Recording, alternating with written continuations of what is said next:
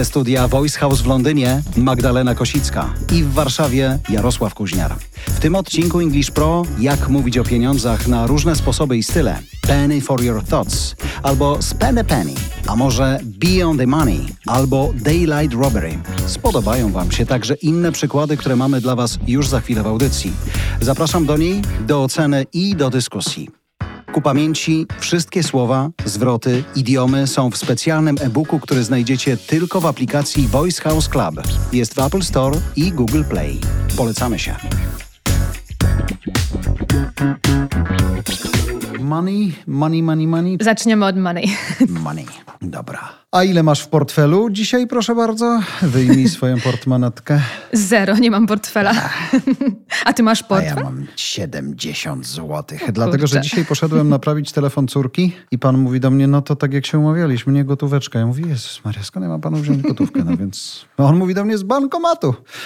Więc wyjąłem więcej niż trzeba, więc jakąś gotówkę mam i pomyślałem sobie, cholera, będę wreszcie przygotowany do audycji English Pro, gdzie głównym tematem będą rzeczy, których ostatnio jest teraz mniej w naszym portfelu z uwagi na inflację, czyli pieniądze. Let's talk money. Tak jest. Let's talk money. Chociaż dżentelmeni podobno o tym nie rozmawiają, ale my tylko na potrzeby audycji o kasie dzisiaj będziemy mówić sporo. Będziemy mówić tylko o kasie, a tak naprawdę porozmawiamy o idiomach i zwrotach, phrasalach, które nawiązują w jakiś sposób do tematu pieniędzy.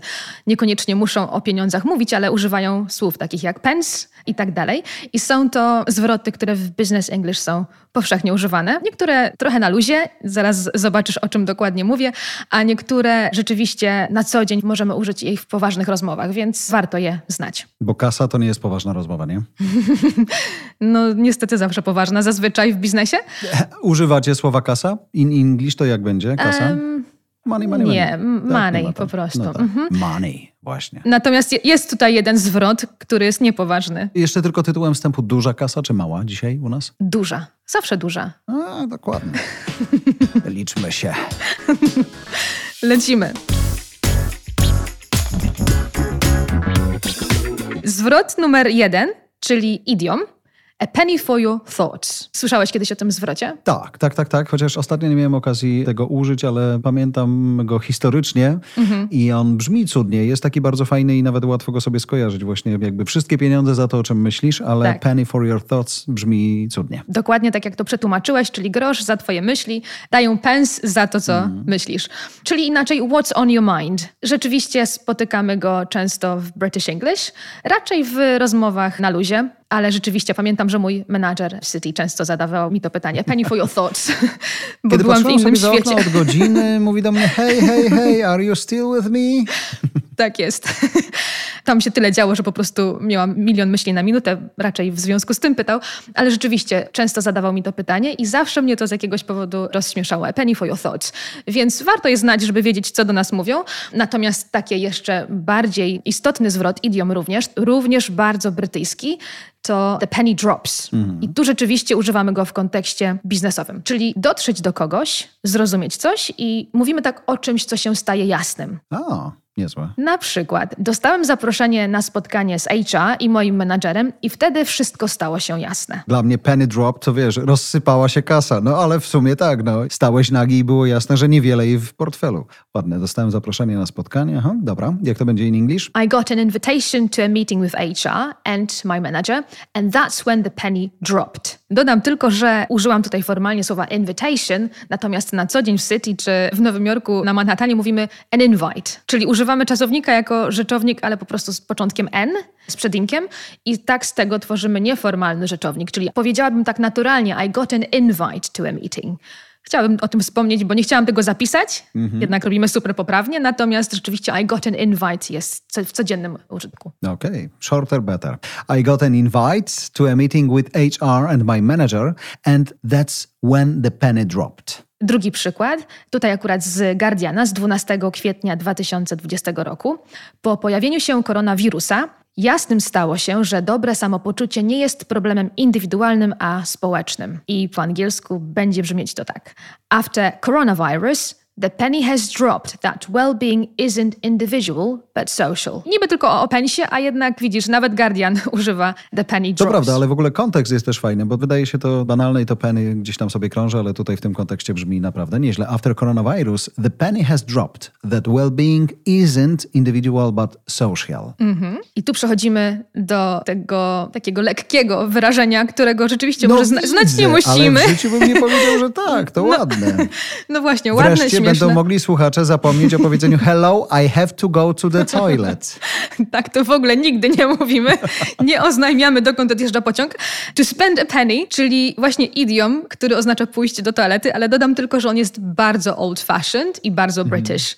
I to taki smaczek, który chciałam tutaj dodać, ponieważ rzeczywiście starszej daty gentlemani użyją tego zwrotu. To spend a penny. A wzięło się to stąd, że kiedyś za publiczne toalety płaciło się pensa. Czyli idę wydać pensa.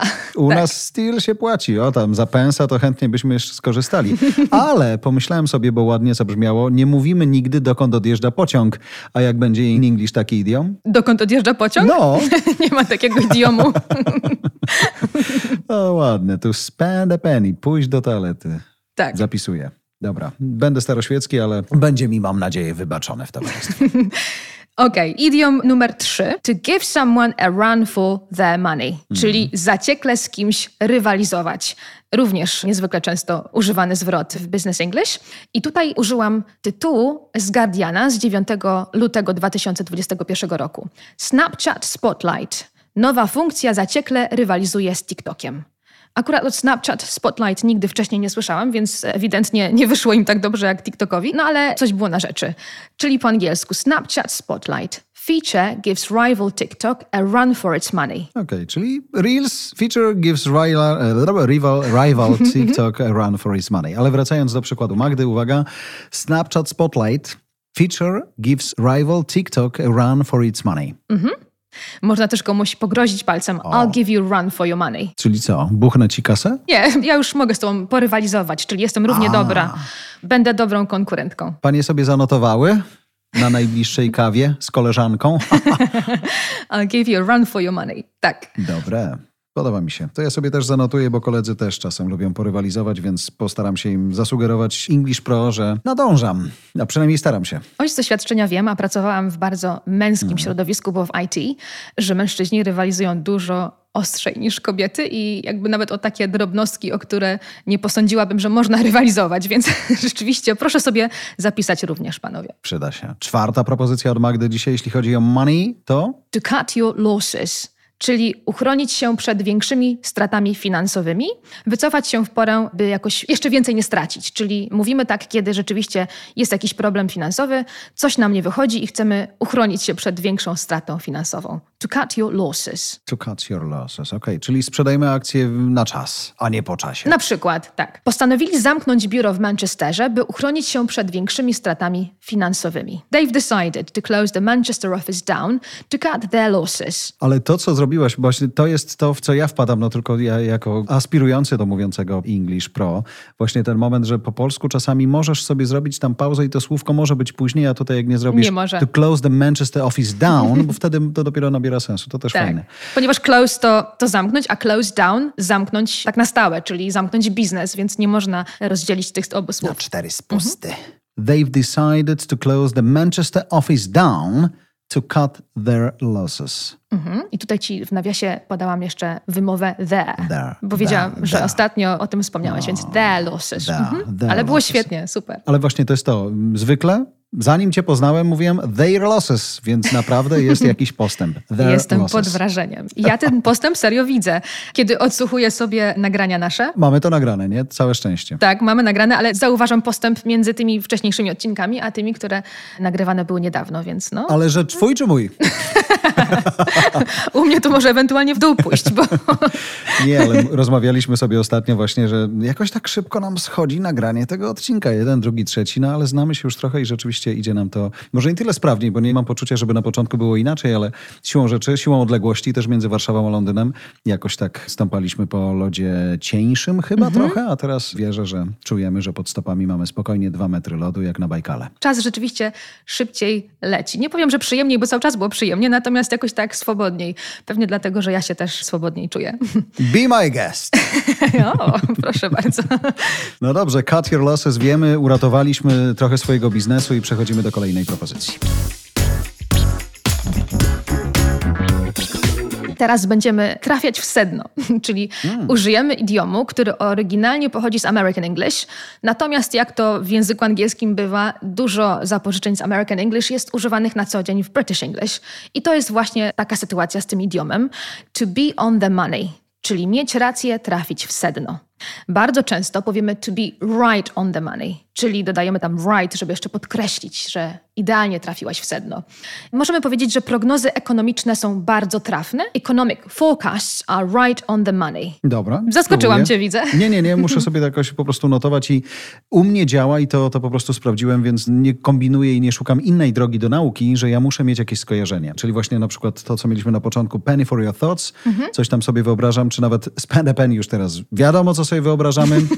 W moim przypadku trójkącik i to będzie łatwiejsze. Be on the money. Mieć rację, trafić w sedno. Prognozy ekonomiczne są bardzo trafne. Uwaga, economic forecasts are right on the money. Świetnie. I to akurat był tytuł z The Times z 28 stycznia 2019 roku. Wtedy jeszcze economic forecasts były bardzo right on the money.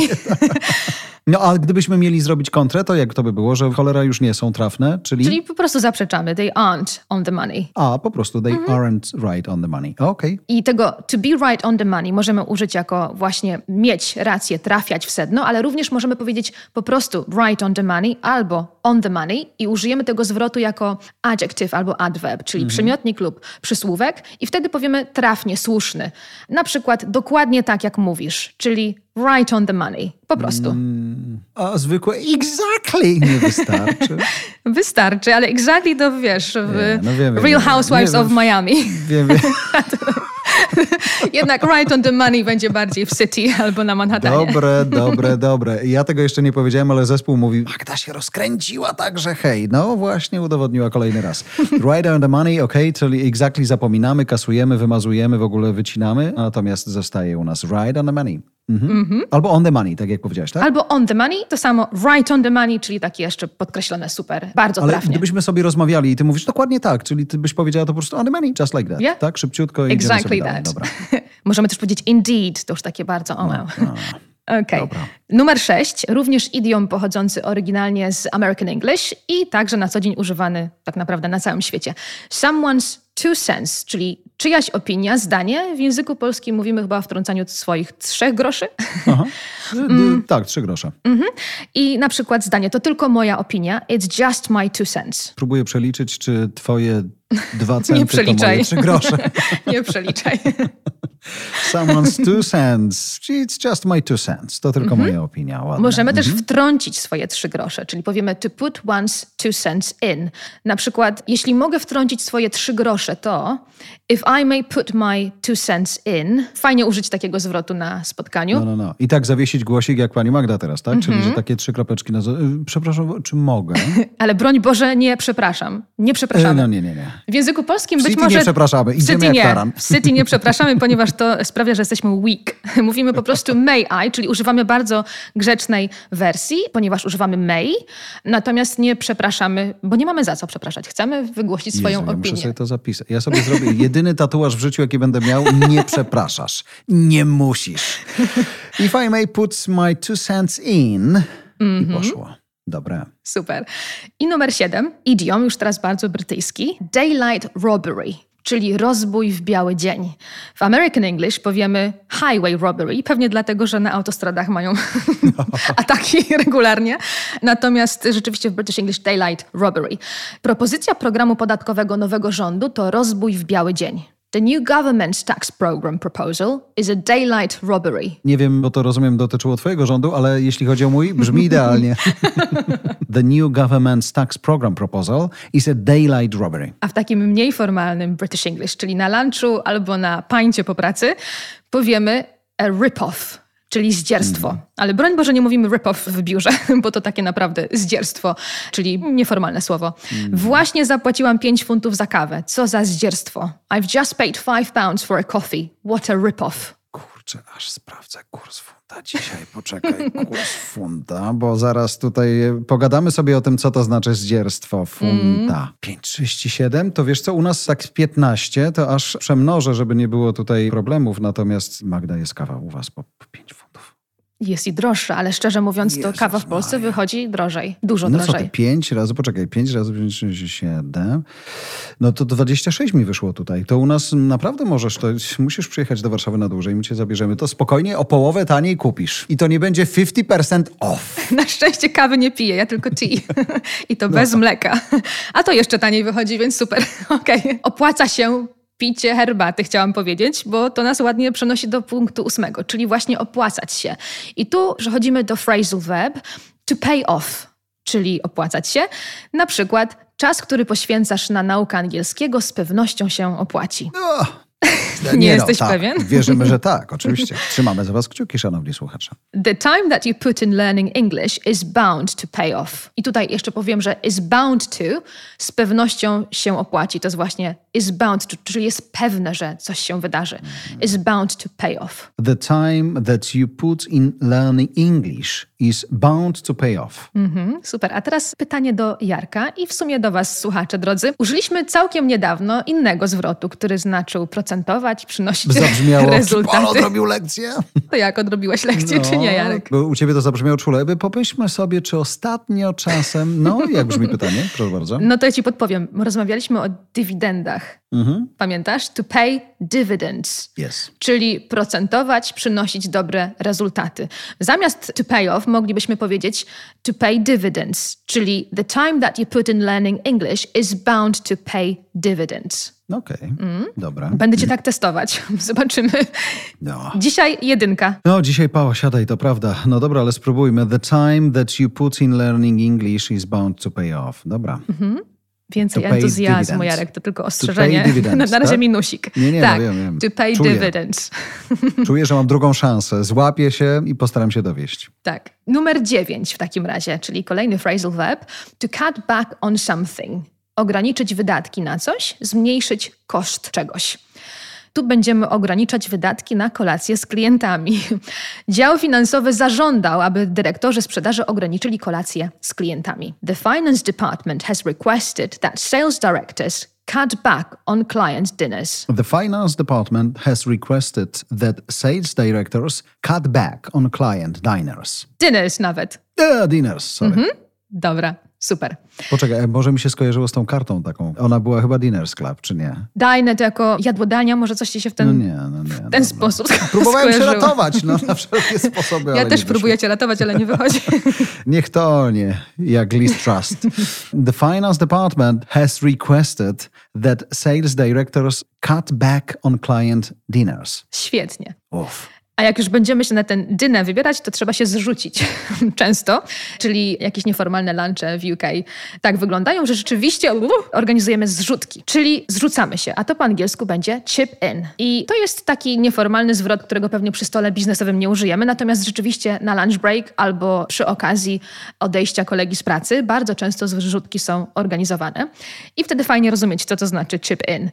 Czyli na przykład można powiedzieć, wszyscy koledzy zrzucili się po 10 funtów, by kupić Charliemu pożegnalny prezent. I po angielsku powiemy All colleagues chipped in 10 pounds to buy a farewell gift for Charlie. All colleagues za Charlie. chipped in 10 pounds to buy a farewell gift for Charlie. Czyli chip in, zapamiętujemy. Chip in, chip in, zrzuteczka. Dobra, chip in, chip in. A jak to jest w Polsce? Jak to wygląda? Jestem bardzo ciekawa, bo Wiesz co, no dzisiaj to ludzie się popisują. E, Słuchaj, a jaki ty masz, a bo wiesz, u mnie w banku to moglibyśmy sobie tu zapłacić nagle rundę taką to SMS-em albo czymś, więc, ale bywa też tak, że normalnie się zrzucamy rzeczywiście i tam ktoś podaje konto i na to konto się wpłaca. Wierzymy wtedy, że skarbowy nie patrzy na to konto, zwykle ono jest to prywatne i tak dalej. No jest to takie, raczej nie wyjmujemy gotówki, no chyba, że jestem to ja, który właśnie idzie naprawiać szybkę w telefonie córki. Nie? No, panie, ale tak jak mówiłem, no ja w ogóle nie wiem o co chodzi. Chodzi z tym, że oni przecież i tak wystawia fakturę, więc wie, że te pieniądze no siłą rzeczy państwo będzie je widziało. Mhm. Ale dlaczego to ma być gotówka? Nie wiem.